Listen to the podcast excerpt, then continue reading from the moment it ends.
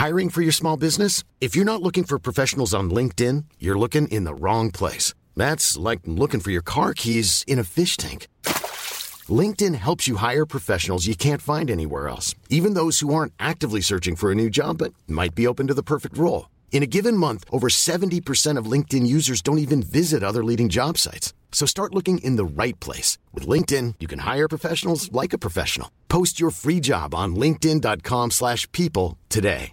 Quality sleep is essential. That's why the Sleep Number Smart Bed is designed for your ever-evolving sleep needs. Need a bed that's firmer or softer on either side? Helps you sleep at a comfortable temperature? Sleep Number Smart Beds let you individualize your comfort so you sleep better together. JD Power ranks Sleep Number number 1 in customer satisfaction with mattresses purchased in-store. And now, save 50% on the Sleep Number limited edition Smart Bed for a limited time. For JD Power 2023 award information, visit jdpower.com/awards. Only at a Sleep Number store or sleepnumber.com.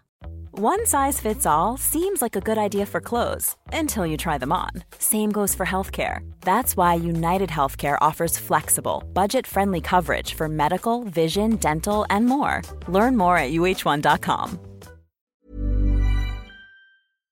Vi är denna vecka sponsrade av Indie Beauty. Och Sofie, det här tycker jag är extra fint och extra roligt.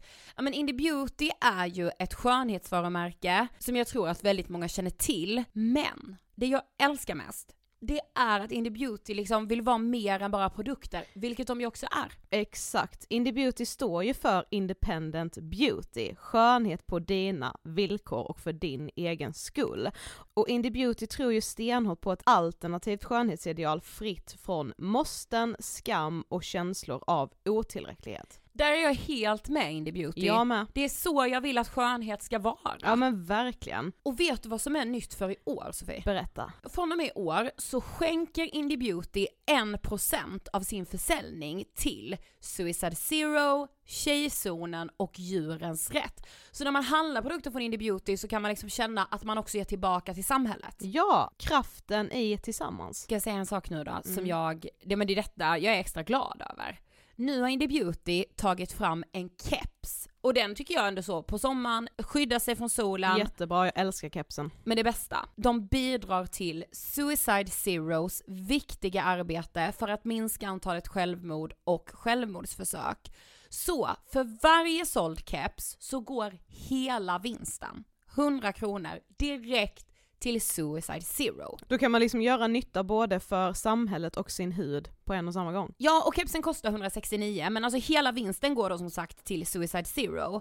Så om man vill göra skillnad när man är där ute i solen, nu när den börjar titta fram, då ska man välja den här kepsen. Den säljs exklusivt på indiebeauty.se och på Apotea. Tillsammans kan vi skapa en ljusare framtid. Vi ses med kepsarna på! Tack Indie Beauty. Vi är sponsrade av Mindler och som ni säkert vet sedan tidigare så är vi ju ute på psykologresan tillsammans. Men hur vet man egentligen när det är dags att söka hjälp? Ibland uppstår saker i livet som kommer utmana oss och kännas tufft. Det mesta självläker vi oss igenom, för vi är menade att ta oss igenom en viss mängd påfrestningar. Men ibland behöver man professionell hjälp för att ta sig ur jobbiga perioder i livet. Men vart går då gränsen? Vad är en del av livets skavighet och när är det läge att söka hjälp? Det sägs till exempel att stress är farligt, men att också kan vara bra. Alla sover dåligt ibland, så när har man egentligen sömnproblem? Ångesten kommer väl krypande för de flesta någon gång. Så när ska man se ångesten som outhärdlig? Hur vet jag? Med oss som psykolog har vi såklart min gamla psykolog Linnea Seidbrant. Men Linnea, vad är egentligen utmattningssyndrom? Utmattningssyndrom är en konsekvens av svår och långvarig stress utan möjlighet till återhämtning. Vi är ju då skapta för att klara av stress, men vi behöver också återhämtning. Om du utsätts för för mycket stress under en lång period utan att du får till den nödvändiga återhämtningen så kommer kroppen till slut att säga ifrån. Och det är faktiskt så att alla har en gräns. Du kan drabbas av en rad fysiska eller psykiska besvär som trötthet, sömnproblem, hjärtklappning. besvär från magen och tarmarna och mycket annat. Och det här är ju då varningssignaler och tecken på att du kan behöva göra någonting åt din situation. Annars så kan besvären utvecklas till att du mår så dåligt på sikt att du blir psykiskt och fysiskt utmattad. Ladda ner Mindler till din telefon och läs mer på mindler.se.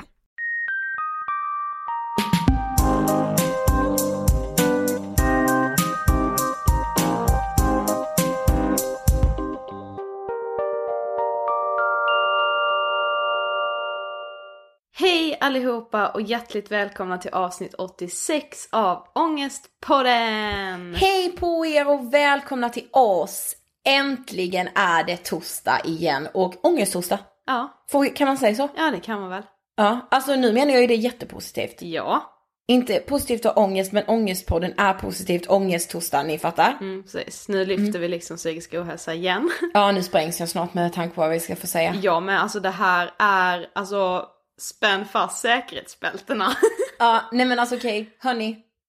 Vi har fått spela in ett pilotavsnitt för SVT! alltså inte, ett, inte en ljudfil utan ett tv-program. Ja, och man kallar ju det pilot när man typ gör ett så här testavsnitt. Precis. Alltså, det här kan bli en tv-serie. Ja, alltså det här är helt sjukt. Alltså det är i fredags då när vi spelade in det här med SVT. Ja. Jag satt och bara, alltså jag får typ nypa mig i armen för jag med. fattar inte vad det är som händer just nu. Jag fick nypa mig i armen. Ja. Och nu vill vi verkligen bara be er om en sak och vi blir så, alltså vi blir så glada, jag, kan, typ- jag håller på att börja gråta känner jag. För att jag blir så glad om ni gör det här. Gå in på vår Instagram, Angestpodden. Lajka bilden vi har lagt upp om den här serien. Och kommentera vilka ni vill se som gäster hos oss ifall vi gör en tv-serie. Har så kommenterat att ni vill att vi ska göra det och att det skulle vara skitkul om vi gör det liksom. Ja precis. Ja, och allt. kommentera det hos SVT också. Ja. Att ni vill att vi ska göra det. Alltså det skulle betyda mer än allt Mm. för oss. Verkligen. Så bara gör det. Ja, alltså hur sjukt är det här? ja, det är helt galet. Okej, ännu sjukare då. Nästan. Dagens gäst. Det här är ju, ni som följer vår YouTube-kanal såg ju hur jävla nervösa vi var inför den här intervjun. Jag, ehm, ja, jag, var, jag var liksom, som jag sa till dig, jag bara, jag kan inte intervjua. Nej. Jag kan inte podda. Vad är en podd? Nej, jag har Så ingen, kände jag innan. jag har ingen aning om hur, man liksom beter sig när man träffar en ny människa man aldrig träffat innan. Fast det kändes, kändes som att man på ett sätt kände honom eftersom man har lyssnat på hans podd.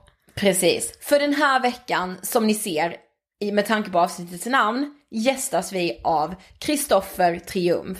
Och kanske mer känd som Värvet i mångas öron. Han har ju sin väldigt stora intervjupodd, Värvet, där Ja, han intervjuar liksom, ja men eh, han har intervjuat skådespelare, musiker, eh, företagare, författare, alltså alla möjliga människor. Alla möjliga. Ja. Och nu har vi intervjuat honom. Mm. Ja, det, alltså det känns så sjukt liksom intervjua intervjuprofeten. Lite så. Men eh, jag tyckte det här var så jäkla härligt. Jag med. Och jag, jag, ja jag har börjat med mig någonting efter det här mötet känner jag. Jag är så blown away. Ja, Nej men jag är det. För att vi verkligen kände som att vi kom på djupet. Mm. Alltså som att jag lärde känna Kristoffer i det där rummet. På ett, ja men på ett verkligen djupt plan. Mm. Och lärde känna mig själv ännu lite mer. Får göra en cliffhanger till dagens avsnitt. Det tycker jag låter hur bra som helst. Ja. Så eh, jag tycker att vi rullar intervjun med Kristoffer Triumf. Varsågoda!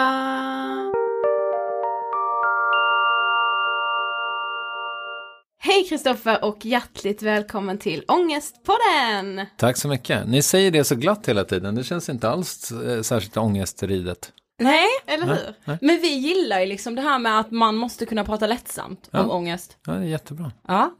Så det är det vi ska göra idag tänker vi. Yes. Eh, Fire okej. away. För de som inte vet, för ja, vi tror att många känner dig som Värvet. Men alltså vem är Kristoffer? Ja, när man, när man får den frågan så, så tenderar man ju att svara liksom i det man gör snarare än den, den, den man är. Men eh, och de roller som jag oftast spelar är väl pappa, eh, intervjuare, programledare, eh, ja, eh, pojkvän. Ehm, bilist. Jag vet inte. Ja. Ja, gud vad jag gillade det svaret. Ja men så här att man liksom, så här, de rollerna, man- jag ska börja säga poddare, så här, tjej, singel, att typ så. Bilist ska jag med köra. Ja. Eh, vi ställer alltid en fråga samma till alla våra gäster och det är vad tänker du på när du hör ordet ångest?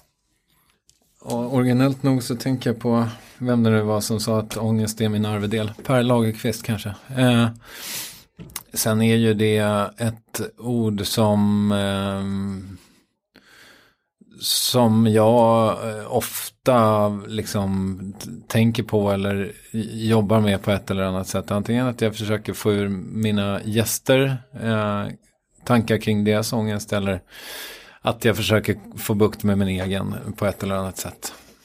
Eh, alltså vi har varit så här väldigt nervösa och spända, men ändå så här exalterade över att få intervjua dig, eftersom du alltid brukar intervjua. Mm. Eh, och du är uppvuxen i Strängnäs, det Yes. stämmer. Mm. Eh, ja, vi kollade upp det innan, vi bara undrar om det är mindre än Karlshamn som vi kommer ifrån. Mhm. Och det var det. Några tusen mindre. Eh, men då vet du ändå hur det är så här att växa upp i en småstad. Mm. Karlshamn, eh, Källback. Mm, Ja. precis. Ja, det är ändå vi- första som alla brukar säga bingo Rimér. Ja, och Emma Egelström. Ja. Vi gick faktiskt på samma gymnasieskola som Källback. Inte Ja. samtidigt dock, men alltså ändå Okej, är han yngre eller äldre? äldre. Äldre. Okej. Mm. Sen också Jenny som är Max Martins fru tror jag också är från Mm, där. det stämmer, Och- hon är från uh, Mörrum. Det är en liten by utanför Karlshamn, men det är min hemort. Ja, ja. Mörrumsson. ja, precis. Exakt. Men vi tänkte ändå börja så här, vem var du som 15-åring? Som 15-åring så var jag nog extremt eh, osäker. Det är jag i viss mån fortfarande. Men eh, jag har tänkt lite på det där på sistone. För jag var så, eh, jag, vet, och jag vet inte riktigt hur det kommer sig. Men, men ehm, det, var inte, det var inte så jävla lätt att, att vara jag när jag eh, växte upp tycker jag. Eh, Tycker lite synd om mitt liksom, eh, barndomsjag. Och varför det blev så att jag, att jag var så pass osäker, det vet jag inte. Men det, den osäkerheten gjorde ju till exempel att jag, eh, nu lyssnade jag på avsnittet med Fredrik Wikingsson precis, och han var ju okysst till han var 19. Det var kanske inte jag. Men jag hade ju skitsvårt att skaffa eh, tjejer så här. Jag var, jag var väldigt ofta olyckligt kär liksom. Ehm, och laddade de här eh, tjejerna då. Eh, som jag liksom var olyckligt kär i. Med massa fina egenskaper. Och, och målade upp hur det skulle vara ifall vi blev ett par och sådär. Eh, det la jag ner jättemycket energi på. Sen som 15-åring också så då är man väl så att man går i åttan va? Eh, om man är mm, född precis. på våren som jag är. Ja, och då var jag fortfarande jävligt stökig. Jag, jag tror, alltså jag hade en snatterikarriär som höll på eh, från sjuan till åttan, liksom. Eh, stal mycket grillade kycklingar eh, av någon anledning. Jag tyckte det var Oj. jä- jävligt gott. Det, Liksom. men det känns svårt eller? Ja, det, det är inte Ja. så här något som man bara kan stoppa in i fickan. Nej. liksom. Nej, exakt. Och det var väl lite det också som gjorde att det blev en sport. Eh, och sen åkte jag också dit för det så småningom. Men nej, jag, var, jag var stökig, jag hade nog eh, någon liksom bästis. Jag hade bara, eh, nästan alltid bara en bästis i taget. Sådär. Eh, sen, så småningom, när jag blev 16 och började nian, då, då skärpte jag till mig och kammade mig och liksom eh, kände att jag var tvungen att läsa upp mina betyg om jag skulle kunna komma in på gymnasiet. Och det gjorde jag ganska, jag tror jag höjde med 1,0.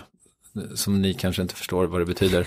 Eh, men eh, alltså om vi säger att betygsskalan var från 1 till 5 så läste jag upp då från kanske 2 och 4 till 3 och 4 och kom in på gymnasiet. Så att sen, men, men det gjorde ju inte heller mig särskilt mycket säkrare. Men, men jag var i alla fall en bättre student.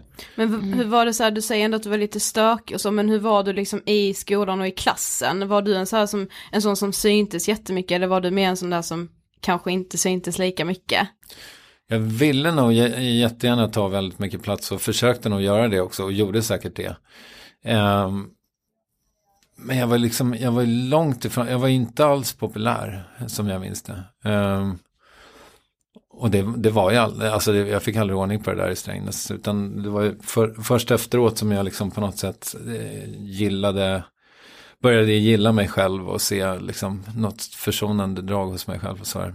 Eh, men nej, jag, jag, tog nog väldigt mycket plats eh, hela min skolgång i princip. Eh, mm, kanske till och med i gymnasiet, jag vet inte. Det här är också, jag, eh, jag vet inte vem det var som sa det, om det var Ozzy Osbourne som sa att han inte mindes någonting innan han fyllde 18. Det, så är det lite för mig också, jag tror jag har supit och knarkat bort en hel del minnen från den här tiden. Eh, så att jag får liksom lite skarva när jag ska komma ihåg mm. hur det var. Men, mm. men min känsla kring min barndom och uppväxt är att, att det präglades jävligt mycket av att jag var eh, osäker och, och liksom inte hittade in i mig själv på något sätt. Ja men idag så har ju du ändå en av Sveriges största poddar. Och Skandinaviens största intervjupodd, det stämmer va? Ja, jag skulle nästan gissa att den är en av Europas största ja. också faktiskt. Eh, för jag, men jag vet inte hur det ser ut i Tyskland och England så här, som är stora länder. Men jag, tror, jag, jag har svårt att tänka mig att jag, ja, jag skulle, gissningsvis är jag Europas största, men jag har mm. ingen aning. Men, det, det, det, låter ju svinfett som vi säger. Ja, ja men jag tycker det också. Ja. Mm. Eh, men hur bildades egentligen Värvet? Uh, jag uh, lyssnade jättemycket på Mark Maron um, som har en podcast som heter WTF with Mark Maron. Um, den var jävligt inspirerande. Eh, jag, var, jag var jävligt sen med att skaffa iPhone och, och, jag hade alltid varit liksom en radioperson så att jag lyssnade i, på, på gammeltiden, liksom innan iPhonen gjorde inträde så lyssnade jag mycket på radio i telefonen. Och sen fanns ju inte det i början med iPhone. Eh, utan eh, då fick man helt enkelt lyssna på poddar. Så jag lyssnade jättemycket på Mark Maron. Och så tänkte jag då i samma veva att för att jag började göra stand-up, jag hade bestämt mig, liksom, jag hade bekanta som, som hade börjat med det och jag var jävligt lockad av det på något sätt. Och sen så var det väl liksom, ja, men det var lite bidragande, det var liksom lite olika saker som bidrog till att det blev av. Det var väl dels Mark Maron, dels eh, Filip och Fredrik som jag jobbade med då liksom sista perioden innan, innan jag liksom började med värvet. Jag tyckte de verkade ha så kul med sin podcast. Och det där var jag, blev jag liksom avundsjuk på. Jag blev avundsjuk på hela liksom, deras tillvaro egentligen. För att det, det, jag var ju liksom um, redaktör någonstans i mitten av uh, näringskedjan. Uh, mm. Hackordningen. uh, och jag tyckte liksom att det kändes som det skulle passa mig mycket bättre att, att vara i, i toppen av den. Att inte vara den liksom att vara den som har agendan helt enkelt. Och för det är helt roligt med Filip och Fredrik för de, deras kompass är så finkalibrerad. De vet exakt vad, vad ett Filip och Fredrik-program är. Mm, ja, verkligen. Uh, och det känner man väldigt tydligt när man jobbar med dem och det blir också väldigt tydligt när man inte riktigt delar den visionen. Då går det åt väldigt mycket energi åt att komma med idéer som de inte gillar. Mm. Och det, eh, den, det var väl det som var mitt stora problem med reklambranschen också som jag var i länge. Att liksom, jag fick inte bestämma. Eh, och eh, och det, det, det var mycket det som gjorde att jag startade Värvet tror jag. Att jag ville liksom ha någonting där det var jag som, som gjorde allt. Och i början gjorde jag ju också precis allt. Jag gjorde vignetten, jag gjorde grafiken och jag gjorde liksom, eh, bjöd in gäster och kokade kaffe och klippte och eh, donade liksom. Så det var verkligen mitt. Eh, och det var ju underbart när, ja, mm. när, när det liksom landade i det. Det är så kul. Men, ja, men hur har du det med prestationsångesten? Får du liksom, får du prestationsångest av att liksom så här producera feta avsnitt liksom? Alltså, om, om inte jag kände att det fanns en utveckling i det jag gör, det är inte riktigt svar på frågan, men jag säger ändå. Om inte jag liksom kände att jag gick åt rätt håll, att jag, att jag blir bättre på det jag gör då hade jag nog slutat för det här laget. Eh, för att eh, det, jag måste liksom i alla fall eh, tro, det är möjligt att det finns jättemånga människor där ute som, som inte håller med om att jag blir bättre, men det känns som att jag blir det. Och det känns som att jag rör, liksom, att jag utvecklas med varje liksom, intervju, att det blir på något sätt så lär jag mig någonting. Mm.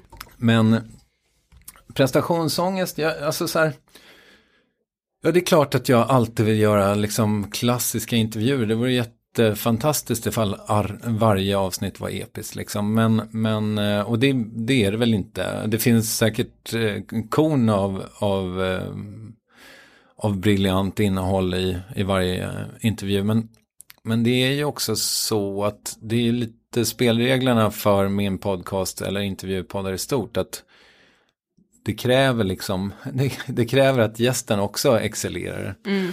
Um, men jag kan inte påstå att jag har så jätte, jag, i början hade jag tyckte jag, det var otroligt obehagligt att lägga ut avsnitten för jag var helt säker på att jag liksom, ja men, att någon skulle tycka att jag var dålig mm. eller att jag liksom hade klippt uselt eller vad det nu var. Men kände du dig nöjd? Alltså när du la ut typ första avsnittet? Nej men det kan, det, det kan och det så kan jag, den, eh, det kan, jag har aldrig kunnat bedöma det, om, om det är bra själv. Alltså, Nej visst är det svårt, för det, vi får ju fortfarande liksom nya lyssnare som lyssnar på vårt första avsnitt. Och vårt första avsnitt är inget avsnitt jag skulle rekommendera ny lyssnare för jag tycker ju det är skitdåligt om man jämför jag med nu. Ja, alltså jag skulle lyssna två minuter på det, sen skulle jag stänga av för det är... ja. Ja, men det kanske det man inte så. tycker när man liksom börjar lyssna med ett öppet öga, Nej. men vi vet ju själva att vi har utvecklats liksom. Inför, jag har ju börjat med någonting som heter Revervet, in, återintervjuar gäster och jag fick då, eftersom första avsnittet var eh, Soran Ismail, alltså dels av Värvet men också av Revervet. Mm. Så var jag tvungen att lyssna igenom den och jag, jag eh, det var li, alltså det var ganska kraftig skämskudde på, på introt eh, där jag liksom absolut inte låter som mig själv. Nej. Men sen i själva intervjun, den tyckte jag faktiskt att jag var, den var jag rätt bra i. Eh, sen märker man väl att jag idag lägger ner mycket mer tid på research. Uh, för i början var jag liksom researchfientlig nästan. Eh, För att Mark Maron gjorde fan ingen, intervju, liksom ingen research och då skulle inte jag göra det heller. Han, var ju, han kan ju vara så jävla oförskämd. Han hade en, uh, en regissör och skådis som gäst. Nu kommer inte jag ihåg på rak arm vad han heter, men han har ett, eh, han är förmodligen kanadensare för han har ett franskt efternamn. Och Mark eh, ställ, ställer då till den här mannen som för övrigt har liksom re regisserat typ alla Iron Man-filmer och som också är med i dem. Eh, eh, till exempel, och han, han har varit, gjort hundratusentals filmer. Nej, det har han inte, men ett gäng. Många.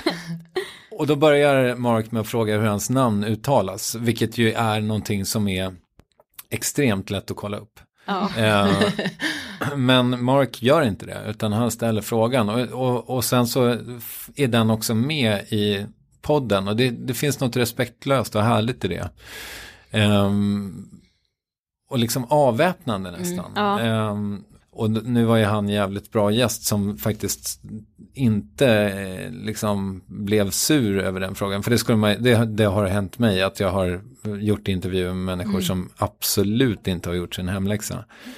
Och då är ju, har ju jag så litet eller stort ego eller hur man nu ska säga att jag är så liten som person så att jag inte riktigt kan släppa det där.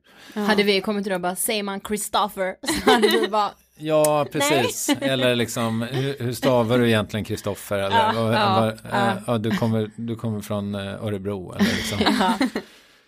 Ehm, så jag hade, nog, jag hade nog blivit lite off guard. Eller nu kanske, nu kanske jag är lite mer luttrad. För nu har jag ändå givet säkert, vad ska man gissa då? Jag har hållit på med det här i fyra år och blivit Och kanske det är rätt intervjuad. många intervjuer i Ja, alla fall. Ja, men jag, har, jag bara menar hur många jag har givit, alltså där jag är som idag, eh, gäst. Eh, det måste väl vara någonstans 100, 150, 200 kanske. ja. Så att det är liksom, ja, jag börjar, jag börjar tycka att det är okej. Ja. Eh, och även om folk är dåliga på research, det är ju på något sätt deras misstag. Ja, precis. Ja, då får vi se om den här researchen stämmer då. Nej men vi, eh, läste att du kallade dig själv för en riktig eh, bekräftelsetosk. Mm. Hur är man då? Alltså hur är man en bekräftelsetosk? Såg ni vad ful bilden var till den eh, artikeln? jag Alltså, det, på. det är den vidrigaste bild som någon någonsin har tagit tror jag. Och det var ju synd att just jag var på den. Då ska vi välja den nu när vi ska göra avsnittsbilder. Gör helst inte det. Jag, jag vill att den ska dö den där filmen. Eller den där bilden. Jag, jag, det är Resumé som har den och jag har faktiskt mejlat dem och bett dem ta bort den. Därför att den förekommer ju jätteofta. Ja men så så, vi har med mig. sådana bilder. Vi har några ja. som har bara, varför har du tagit den? Ja. Alltså den är ju hemsk. Vi har en som vi gjorde för någon så här Eh, någon sko- någon media, några mediaelever på någon gymnasie tror Ja, jag det var som det. skulle göra en skoltidning. Den bilden är överallt och den är så hemsk. Inte den. Ja. Ja men då, då vet ni hur jag mår. Ja. Ja. Eh, nej men, alltså jag har svårt att tänka mig att det existerar, äh, existerar någon människa som inte har ett bekräftelsebehov. Sen kan man väl fundera på, är mitt ovanligt stort? Ja, kanske, men jag tror att det i och för sig är genomgående för alla människor som är, håller på med ungefär det jag gör. Alltså som är i media eller som gör något konstnärligt. Nu säger inte jag att min podcast är, är konstnärlig kanske utan mer journalistisk. Men ändå så finns det ju det är väldigt sällsynt nu för tiden med människor som, som skriver till exempel i tidningar utan byline. Eh, det förekommer ju nästan inte, det gjorde det förr i tiden. Att eh, ingen signerade den utan det var liksom tidningen som, som gav ut den. Ehm, och jag, jag tror att eh, det där med byline liksom, grejen har nog bidragit till att, att journalistyrket är eh, så populärt. Jag tycker eh, det är härligt att få höra snälla grejer om mig själv.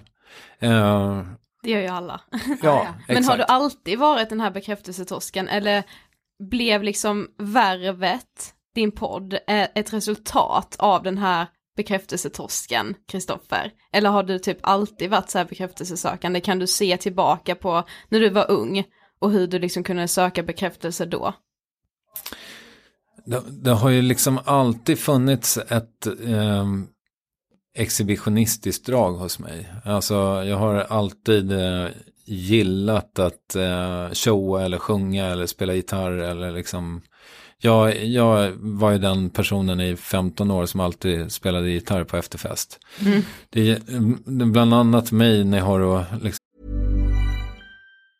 A lot can happen in three years, like a chatbot may be your new best friend. But what won't change? Needing health insurance. United Healthcare Tri Term Medical Plans, underwritten by Golden Rule Insurance Company, offer flexible, budget friendly coverage that lasts nearly three years in some states. Learn more at uh1.com. Hiring for your small business? If you're not looking for professionals on LinkedIn, you're looking in the wrong place. That's like looking for your car keys in a fish tank. LinkedIn helps you hire professionals you can't find anywhere else, even those who aren't actively searching for a new job but might be open to the perfect role. In a given month, over 70% of LinkedIn users don't even visit other leading job sites. So start looking in the right place. With LinkedIn, you can hire professionals like a professional. Post your free job on linkedin.com/people slash people today. Cool fact a crocodile can't stick out its tongue. Also, you can get health insurance for a month or just under a year in some states. United Healthcare short term insurance plans, underwritten by Golden Rule Insurance Company, offer flexible, budget friendly coverage for you. Learn more at uh1.com. som tacka för eh, den här Facebook-sidan Nej till gitarr på efterfest. eh, det- jag var en bidragande faktor till det tror jag. Eh, att den är så populär. Eh, så, um, och sen då liksom eh, hur jag under de här åren när jag när jag jobbade liksom bakom kameran inom citationstecken, det gjorde jag ju även som reklamare eller liksom eh, som redaktör och tidningsmakare och sådär. Så var det nog i liksom eh, i efter liksom när man tittar i backspegeln så så var jag nog olycklig just därför att det inte jag fick inte skina på det sättet som Nej, jag ville. precis.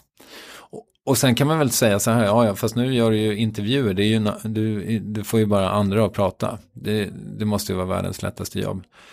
Eh, och egentligen så, så eh, för att svara på den kritiken som någon som jag hittade på Eh, just kom med så kan jag väl säga nej, det är fan rätt svårt att intervjua ska du veta.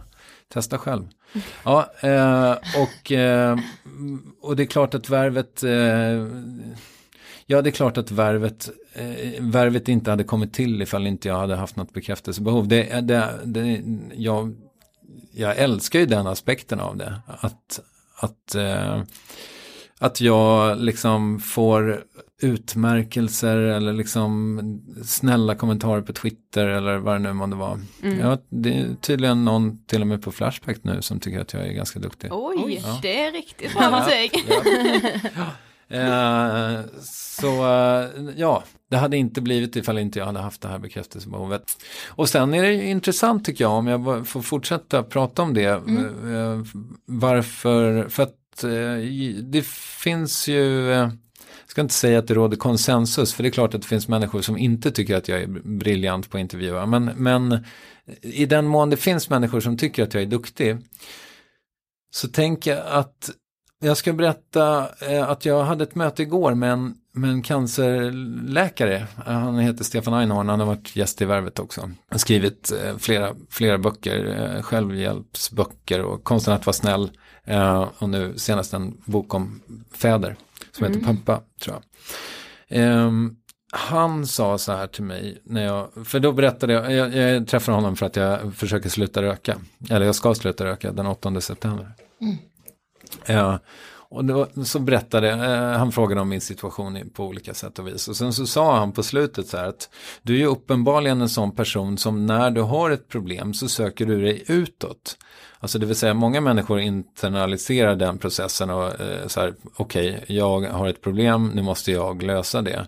Jag och min sida tar ofta hjälp. Eh, jag har eh, ett, nästan en handfull, liksom, eller så här, eh, jag har en PT, jag har en psykiater, jag har en KBT-terapeut, jag har en familjeterapeut, jag har en cancerläkare som jag går till. Eh, alltså, jag, jag, jag, jag, det är så jag opererar. Det där är jag också. Ja, det- verkligen. Jag skulle precis säga, det där är så Ida. Gud ja. Och jag tror att om inte jag hade varit så, om jag hade varit en person som löste mina problem själv, då tror inte jag att värvet hade varit lika bra. Jag tror inte heller att jag hade velat göra det så här länge. För att det hade betytt att jag hade haft svaren. Eh, för att jag tror att någonstans så, så eh, handlar värvet om att jag försöker förstå världen och försöker förstå mig själv genom andra människor. Och det är ju en jävla krånglig process att, att komma till liksom, eh, insikt. Men jag kan ju märka att helvete vad mycket smartare jag är eh, nu än jag var när jag började. Alltså det är, Men det handlar väl typ om att så här, för det, det känner jag när jag lyssnar på din podd, att så här, det känns som att du har accepterat att du kan lära dig så mycket om dig själv genom andra människor.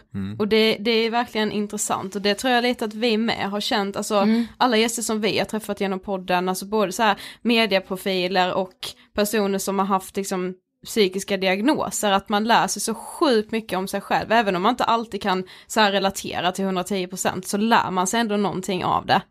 ja visst Det är det tycker jag är väldigt fint. Ja, verkligen. Det var intressant. Ja. Eh, vi tänkte komma in lite mer på det som du nämnde eh, lite tidigare eh, och som du har nämnt i din egen podd, nämligen att du har missbrukat både alkohol och droger. Hur, eh, alltså när började det? Hur gammal var du då? Jag vänder mig mot termen missbrukat. Jag är inte riktigt med på den eh, eh, definitionen själv. Eh, sen kan man väl säga att i Sverige så, så om man tar droger eh, som är narkotikaklassade då antar jag att det är ett missbruk eftersom det är olagligt. Men när ni säger eh, att jag har missbrukat så låter det lite grann som att jag är en alkoholist eller narkoman eller liksom ehm, och jag är inte riktigt, ehm, nu har jag varit nykter i 12 år så att det är lite svårt för mig att avgöra om jag är alkoholist eller narkoman. Jag kan bara kallt konstatera att när jag kände att jag, att det var, att jag hade liksom gjort det färdigt så slutade jag. Och det var inte så att jag fick lägga in mig på rehab eller gå på tusentals eh, AA eller CA eller NA-möten. Inte för att det är något fel med det, men jag behövde inte det, utan jag kunde bara bestämma mig för att jag var färdig. Mm. Eh, och det gör att jag lite grann vänder mig mot att eh, bli kallad för missbrukare. Mm. Eh, men för att svara på din fråga eh, så tror jag väl att det var så att efter gymnasiet, det vill säga när jag var 19, ehm, så tror jag att det eskalerade i ganska rask takt och sen så höll jag på i 11 år eh, och festade ganska mycket. Men jag tycker nog ändå att det var som så att jag festade. Alltså det var, det var, det är klart att jag kunde dricka en flaska vin i min ensamhet och skriva en eh, tårdrypande ballad någon gång ibland. Men det var liksom inte så jag opererade för det mesta. Så att, eh, ehm, ja, så, eh, ja, för att svara på frågan då. Eh, 84 var jag 10, 94 var jag 20, eh, 93. Men den perioden när du festade mycket, gjorde du det för att så här dämpa någon ångest eller var det bara så här, det är bara kul? Jag vet inte faktiskt. Ehm, Jag tror att jag väldigt mycket tyckte att det var kul. Jag tror också att jag tyckte att det var coolt faktiskt. Alltså, eh, det var liksom en, eh, en livsstil som appellerade till mig. Just också eftersom jag hade haft så jävla tråkigt när jag växte upp. Jag var ju liksom inte, som vi sa förut, jag var ju liksom inte riktigt eh, hörde liksom inte riktigt hemma i kroppen och när det väl landade så tror jag att jag liksom lite grann kanske överdoserade på livet liksom och ville göra det så jävla mycket. Ja men kompensera lite liksom. Ja, lite grann ja, precis. Eh, Och, och då finns det ju vissa preparat som, som gör att man kan vara, eh, vara vaken längre och sådär. Och det Ja. var väl det som jag, som jag föll för.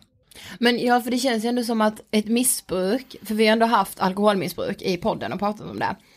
Och då har ju vi haft med en person som verkligen inte kan hantera livet, som inte, ja men som verkligen känner att jag, mitt liv fungerar inte utan alkoholen, men det fungerar heller inte med. Eh, och där har ju inte du varit då. Nej, precis. Det är också därför som jag har problem med att gå på möten eh, som jag har gjort liksom till och från under de här åren. Och jag var på ett för mindre än ett år sedan. Eh, men jag känner mig inte riktigt hemma där. Därför att jag är liksom inte, eh, det, man börjar ändå med att säga att eh, alkoholen eller drogerna, vilket möte man nu är på, var mig övermäktigt. Och jag, jag var tvungen att lägga mitt liv i händerna på Gud så som jag uppfattar hen. Eller någonting sånt säger man. Och jag är liksom inte, jag skriver inte under riktigt på att jag, alkoholen var mig övermäktig. Nej, jag vann över alkoholen. Det var skitenkelt. Så ja, Men har du gått, eller ja du nämnde att du hade så här, du har både terapeut och KBT-terapeut och familjeterapeut eh, och du är väldigt bra på så här, ta hjälpen. Men n- när liksom började du göra det? Det var en, en bit innan värvet. Jag tror att jag började liksom lalla runt lite med det där eh, 2009 kanske. Och jag hade liksom en, en eh, jag var ju inte liksom, jag fattade inte vad det var som jag behövde för att liksom komma vidare. Jag hade ju liksom bytt karriär så många gånger. Liksom, och vad var det egentligen jag sökte? Och det, det var väl det jag försökte få hjälp med att fatta. Vad, vad, liksom, vart ska jag? Klass, jävligt klassiskt, eh, kanske framförallt liksom 40-årskris. Eh, en klassisk 40-årskrisfråga. Eh, så, liksom, nu har jag nu har jag levt halva livet här, men det är ändå 25 år kvar som jag ska jobba. Vad, ska jag, vad fan ska jag syssla med? Som jag också tror ofta kommer i samband med att folk är föräldralediga. Ehm, för då har man liksom helt plötsligt eh, liksom per, man får ett perspektiv. Um, och jag kände väl lite, det där det har jag också berättat tusen gånger men, uh, men ni kanske inte har hört det. Uh, att jag lyssnade på Mark Marons intervju med Louis CK som ändå får betraktas som en riktig praktklassiker när det kommer till uh, intervjuer och lyssna på den om ni inte har hört den. Jag tyckte den var så jävla inspirerande för Louis CK säger någonting i stil med, nu var det fem år sedan jag hörde det här så att jag kan kanske ha gjort om citatet själv men Han sa någonting i stil med att även om hans karriär hade gått helt okej och liksom han tjänade hyfsat med pengar och han fick komma till Conan och Brian och så vidare och köra sina standup-skämt. Även om det gick okej så var det först när han fick barn som han verkligen kände att han var tvungen att eh, ta ut en ordentlig riktning för sin, sitt liv. Därför att han kunde inte lalla runt längre och liksom köra stand-up på, på klubbarna i New York. För han skulle liksom en dag behöva betala för deras collegeutbildningar. Mm. Um, och jag tror att det var lite likadant när jag blev pappa faktiskt. Att jag kände att fan, jag måste liksom, jag måste verkligen anstränga mig nu och hitta den här riktningen. Um, och sen så, och det var, det är först nu som jag kan säga, men det var ju det, var ju det som fattades mig. Alltså jag behövde ju få vara egen, jag behövde liksom få, få fronta någonting eller liksom, ja. Mm. Så nu är jag ju helt eh, lycklig, så att vi hörs. Ja, ta det. Ja, för jag tänkte fråga det, har du någon ångest idag, alltså så här, ditt liv som det ser ut just nu, har du någon ångest? Det har väl alla, men alltså du vet så här som, som tär på dig liksom.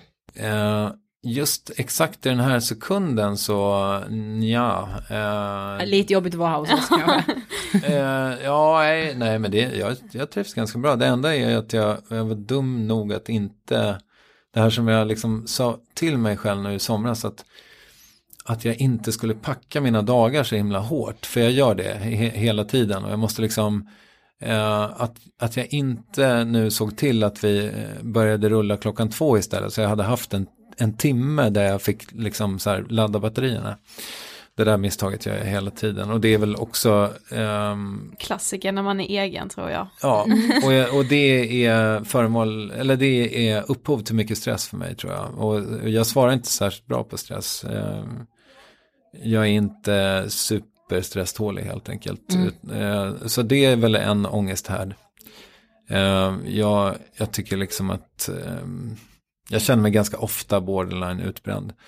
Och det är ju sinnessjukt eh, med tanke på hur få liksom, faktiska arbetstimmar jag har när jag sitter vid ett skrivbord. De är ju två och en halv eh, i veckan. Men det är ju så, det känner säkert ni också, att eh, när man har någonting som, som rullar, som värvet gör, så måste ju det, alltså det kräver väldigt mycket liksom research och tankeverksamhet från mig för att liksom lyckas med de här intervjuerna. Mm. Um, därmed inte sagt att jag har prestationsångest, men, men uh, ah, och sen är det väl lite allmänt så här, varför, varför har jag sådana jävla humörsvängningar till exempel? Jag är väldigt lynnig med det där. Och jag har väl mer och mer börjat eh, kolla på mina blodsockercykler eh, för att, att se hur mycket det kan påverka. Och det tror jag är jättemycket mer än jag har förstått de andra 42 åren som jag har levt. Eh, så så jag, jag, jag har blivit mycket bättre på liksom mellanmåla eh, och sådär. Vilket på, på, har påverkat mitt eh, välbefinnande något enormt faktiskt. Och jag känner också det, ofta det i liksom mina relationer, framförallt då till tjej och liksom barn. Eh, att ehm, om jag ska vara härlig att vara med så må, måste jag liksom ha, ha, ha lite koll på det där med blodsockret. För det, det blir inte bra annars. Vi har kommit fram till sista frågan. Vad inspirerar dig? Jag tänkte på den eftersom jag visste att den skulle komma och det är så eh, det är så otroligt mycket som inspirerar mig och det känns ju väldigt skönt tycker jag att jag eh, ja men eh, liksom nu lyssnade jag på er podcast för att, för att göra research inför vad det var jag gav mig in på. Det tyckte jag liksom var givande. Uh, alltså jag lyssnar ju på, eh, jag lyssnar på saker nästan hela tiden. Om det inte är liksom mina egna intervjuer som jag alltid måste lyssna på för att korra dem. Så att, eh, för att jag liksom, ett tag så tänkte jag att jag skulle försöka ta bort det steget. Ehm, men David då som är producent, han, han, han tyckte det kändes jätteobekvämt att inte jag skulle lyssna. Så nu har vi kommit fram till att, att jag ska göra det. Nej men eh, så när jag inte gör det så lyssnar jag jättegärna på andra eh, intervjupoddar. eh, Eller Sommar i P1 för den delen. Som lite grann har gjort en revival, liksom fått en revival i min, under min sommar nu. För att vi hade burkat så många avsnitt så att jag, jag fick liksom ledigt i sex veckor. Det var helt underbart. Eh, Vilket var ditt favorit sommar i P1 i år då? eh, Emil Jensen skulle jag säga. Jo, jag lyssnade på typ halva det, sen somnade jag tyvärr. Men liksom. Nej men det var bra, men det var lite för sent för att börja lyssna. Ja, jag fattar. Sen eh, en lite oväntad eh, och också ett extremt klassiskt eh, sommar. Men Malou von Sivers tyckte jag var, var bra också. Eh, nej men allt det där inspirerar mig. Sen inspirerar det mig såklart jättemycket att prata med människor och läsa böcker och liksom, eh, fan hur mycket läser jag? Men, eh, men Det låter alltid bra att säga att man läser böcker. Ja, verkligen. Nej men prata med människor tycker jag är jättegivande. Jag har en väldigt liksom eh, extremt givande person eh, eh, som jag träffar väldigt mycket. Alltså som jag är tillsammans med. Eh, och hon har ju fått mig att, växa på så många sätt liksom. Eh, det är jävligt coolt. Eh, och sen, så här, sen ser jag till, för att jag, jag, jag kom till någon slags insikt för inte så länge sedan att om jag ska utvecklas eh, som, som poddare eller liksom som, som journalist så måste jag så måste jag utsätta mig alltså för, för nya intryck. Eh, Så att jag försöker till exempel i mycket större utsträckning nu än tidigare gå eh, på eh, museum och kolla på konst liksom.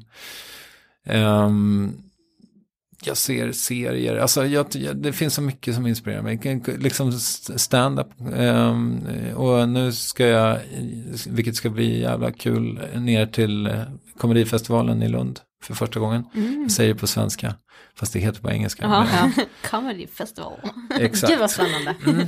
Ja men eh, för att jag tänker att eh, snart är det dags för mig att liksom verkligen stå i rampljuset på, alltså bokstavligt talat. Så att eh, jag hoppas att det ska bli av under hösten, att jag kommer igång med det igen. Mm, lycka till och tack så jättemycket för att du ville gästa Ångestpodden. Tack så hemskt mycket. Ja, där ser ni. Ja. Usch, jag fick nästan lite så här, jag blev nästan lite rädd när vi pratade det här med missbruksgrejen. Eftersom vi hade ju skrivit frågorna som att han faktiskt hade missbrukat. Men det är nog för att det har lyfts på det sättet i andra Ja men det, det har ju liksom. lyfts överallt Ja. på det sättet. Så det var ju därför vi ställde frågan som, men förstår du på mig? Det var jag som fick ställa den frågan. Ja, Jag bara! Jag, jag blev så rädd att han skulle vara arg på mig sen. Men det var han ju det inte. tror jag faktiskt inte. Nej men det, det märkte jag att han inte var. Men eh, du fattar vad jag menar. Ja, det känns faktiskt stort att man har intervjuat Kristoffer Triumf. Jag också. Och jag tyckte bak verkligen, CVt. ja jättenice på CVt. Men sen även så här, jag tycker verkligen han, eh, som du sa i början, alltså att man lärde sig någonting om sig själv. För jag, jag kunde känna igen mig i jättemycket av det han sa. Ja, och lite så här, inte att jag skäms över mig själv, men jag satt ändå där och kände hur jag ibland, du vet, alltså jag kommer aldrig på djupet. Jag gör liksom problem av så jävla ytliga saker. Ja. Så man bara, nej men släpp det bara, gå in på djupet i dig själv, lär känna dig själv. Ja. Skit i liksom all den här ytan som är runt omkring en 24-7 liksom. Ja, Ja, jag vet. Det var väldigt spännande. Stort tack Kristoffer för att du kom och gästade Ångestpodden. Och då går vi vidare till... Då! Okej, då går vi vidare till veckans hiss. Ska jag börja eller? Mm.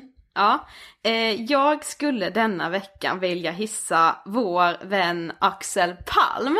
Han är så cool. Ja, han är svincool. Eh, han är faktiskt också från Blekinge. Mm. Och han är youtuber och numera ambassadör för YouTube. Alltså Nordens första YouTube-ambassadör. Nej, jag, jag är så imponerad. Ja, det är svincoolt alltså. Jag höll på att dö när jag såg det på Instagram. Ja. Jag bara alltså Sofie har du sett Axel? Ja, Mm. det hade jag ju. Ja. Men kolla in hans YouTube-kanal. Den heter Oklart. yes, Och eh, kolla in vår YouTube-kanal också. den heter Ida och Sofie. Mm, Med sånt där och ni vet. Yes. Okej, min hiss. Mm. Nu hissar vi bara, vi har mycket killar i det här avsnittet, tur vi är, vi är tjejer. eh, jag vill hissa mitt favoritprogram som har börjat nu. Mm. Och det är Breaking News med Filip och Fredrik. Där var det igång igen. Ja, alltså vi, det, alla har ju förstått att det är våra idoler verkligen. ja. Men, men alltså Breaking News, jag tycker att det är så här, det skiljer sig så jäkla mycket från alla andra program. De sticker ut näsan och de vågar verkligen, de vågar vara egna liksom. Ja, de vågar ju göra saker som de vet att de kommer bli skitkritiserade för. Ja. Alltså verkligen så här jättekritiserade. Och jag älskar ju det. Ja, det gör jag med. Ja, Men jag älskar att ingen annan gör tv som Filip och Fredrik. Mm, jag med. Därför De- hissar de jag behövs. Breaking News. De, be- ja, de behövs. Mm. Glöm nu inte att gå in på vår Instagram, Angestpodden och alltså, ja men snälla, ska, ska vi kunna bryta tabun kring psykisk ohälsa på SVT? Tillsammans med SVT också. Ja, det ska vi bara göra. Och om ni vill att vi ska göra det så, alltså, likea, kommentera och verkligen hjälp oss med det här. Alltså det skulle betyda ofantligt mycket. Och kommentera vilka ni skulle vilja se i vårt tv-program i sådana fall. Ja, precis. Mm. Det kan vara, ni skriver vad som helst, bara ni liksom skriver och peppar. Ja. Ja.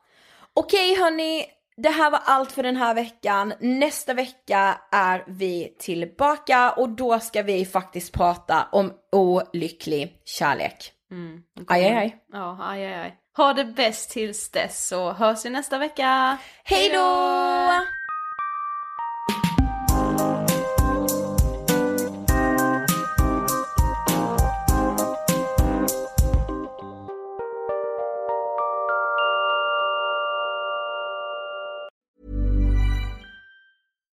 Hey, it's Paige DeSorbo from Giggly Squad. High quality fashion without the price tag. Say hello to Quince.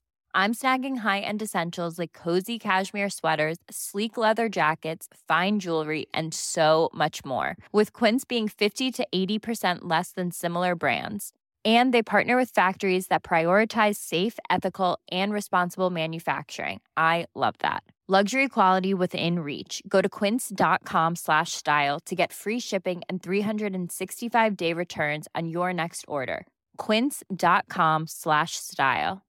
Imagine the softest sheets you've ever felt. Now imagine them getting even softer over time. That's what you'll feel with Bowl and Branch's organic cotton sheets. In a recent customer survey, 96% replied that Bowl and Branch sheets get softer with every wash. Start getting your best night's sleep in these sheets that get softer and softer for years to come. Try their sheets with a 30-night guarantee. Plus, get 15% off your first order at bowlandbranch.com. Code BUTTERY. Exclusions apply. See site for details.